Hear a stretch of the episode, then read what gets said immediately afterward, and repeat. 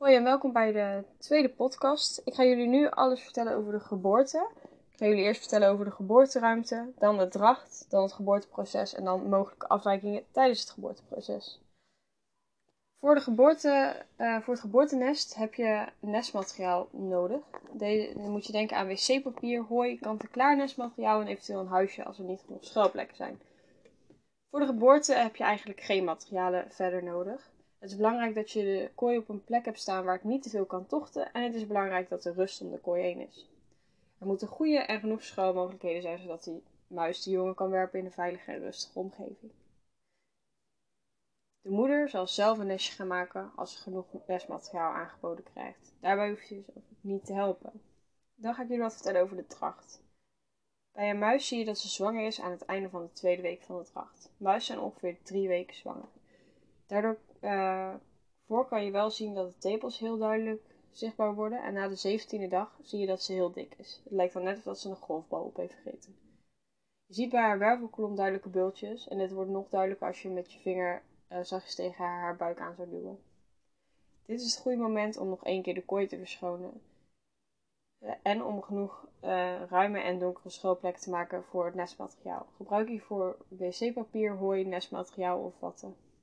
Als je meerdere muizen hebt, dan kun je ze gewoon bij elkaar laten zetten. De vrouwtjes zullen gaan helpen met de jongen verzorgen.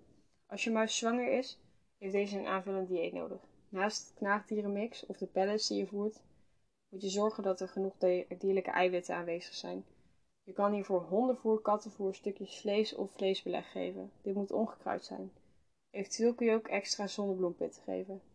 Je kan ook insecten geven, zolang deze de muis niet gaan lastigvallen. Je zou bijvoorbeeld meelwormpjes kunnen geven, maar je moet er ook voor zorgen dat er veel water aanwezig is.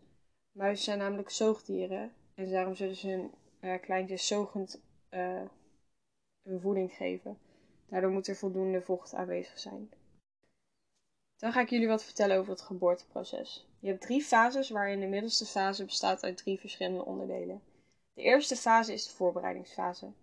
Hierin zal je het gedrag van de muis zien veranderen. Ze zal een nest gaan bouwen en ze zal meer oplettend zijn. Zorg ervoor dat je genoeg nestmateriaal aanbiedt, zodat ze dit samen kan sprokkelen en een nest kan gaan bouwen. Ook kunnen de hormonen gaan veranderen. Het zwangerschapshormoon zal minder gaan afgeven en er zal gezorgd worden dat de banden zullen gaan verslappen. Hierdoor gaat de geboorte makkelijker. Ook zal er een hormoon vrijkomen die ervoor zorgt dat de baarmoederwand samentrekt en daardoor de bevalling op gang komt. De tweede fase is de geboortefase. Deze is onder te verdelen in drie delen.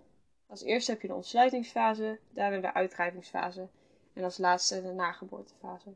De ontsluitingsfase zorgt ervoor, zoals de naam al aangeeft, dat er ontsluiting ontstaat. Er zullen weeën ontstaan en de baarmoedermond zal steeds verder open gaan staan. Dit gebeurt door het hormoon octocine. Deze zorgt ervoor dat de samenwerking van de uh, samentrekking van de baarmoeder en dus de weeën dan komt de uitdrijvingsfase. Daarbij wordt het jong naar buiten gedreven door het geboortekanaal. En wanneer het jong naar buiten is gekomen, zal de moeder het vruchtvlies openmaken en het jong schoonmaken. Dit stimuleert ook de ademhaling. Vaak zie je bij muizen dat dit geen problemen geeft als een jong achterstevoren ligt. Het moederdier zal alleen iets meer moeite hebben met persen. Dan heb je de nageboortefase. Uh, na deze, nadat de jongen geboren zijn, zal de nageboorte komen. De moedermuis zal de placenta opeten en de navelstreng doorbijten. Bij een muis hoef hierbij ook echt niet te helpen. Je kan hooguit uh, de nageboorte weghalen als de muis deze nog niet heeft opgegeten. Dit mag pas na één dag en je mag hierbij niet uh, te veel in het nest schommelen, omdat de moeder dan de baby's kan opeten. Als derde fase is de herstelfase. Deze fase zal starten wanneer de geboorte helemaal over is. Het lichaam zal zichzelf gaan herstellen en alle banden zullen in de loop van de dagen weer verstevigen en teruggaan naar een oude plaats. Het kan zijn dat de muis diarree heeft na de geboorte. En dan heeft ze waarschijnlijk te veel uh, van de placenta opgegeten. Het is belangrijk dat je in de gaten houdt dat ze dan niet te veel vocht verliest. Ook is het belangrijk dat je in de gaten houdt of de bevalling goed verloopt. Of dat de jongen makkelijk geboren worden en of dat ze levend zijn. Mocht de jongen niet makkelijk uitkomen, kun je helaas niks aan doen. Muizen willen namelijk niet gestoord worden tijdens de bevalling en het is ook belangrijk dat je een muis vooral zijn gang laat gaan. In de natuur is er ook niemand om te helpen en de muisjongen zijn erg kwetsbaar. Als je ze aanraakt, zullen ze hun geur verliezen en zal de moeder ze waarschijnlijk afstoten. Als je kijkt naar een stukje nazorg, valt het bij muizen eigenlijk best wel mee. Je moet goed opletten dat de moeder voldoende eet en drinkt. En het is belangrijk dat de pinkies, zo heet de jongen in de eerste dagen, als ze nog geen vacht hebben, je niet oppakt of aanraakt in de eerste dagen. De moeder zal ze dan afstoten en mogelijk opeten. Als jongen geboren zijn, uh, kan het zijn dat de moeder ze dus opeet. Dit kan door stress komen, maar ook omdat een jong ziek is of al dood was bij de geboorte. Als de moeder te weinig dierlijke eiwitten geeft, zal de jongen ook gaan opeten. Verder kan het ook aan het gedrag van je moedermuis liggen. Dit wordt gestoord gedrag genoemd. Hier kun je helaas niks aan doen. Dit is hoe de natuur het regelt met muizen. Na één of twee dagen kun je de dode jongen uit het nest halen en hierbij haal je eventueel ook ander vel weg. Denk aan de placenta. De moedermuis uh, zal dit waarschijnlijk al op hebben gegeten. Mogelijke afwijkingen tijdens het geboorteproces.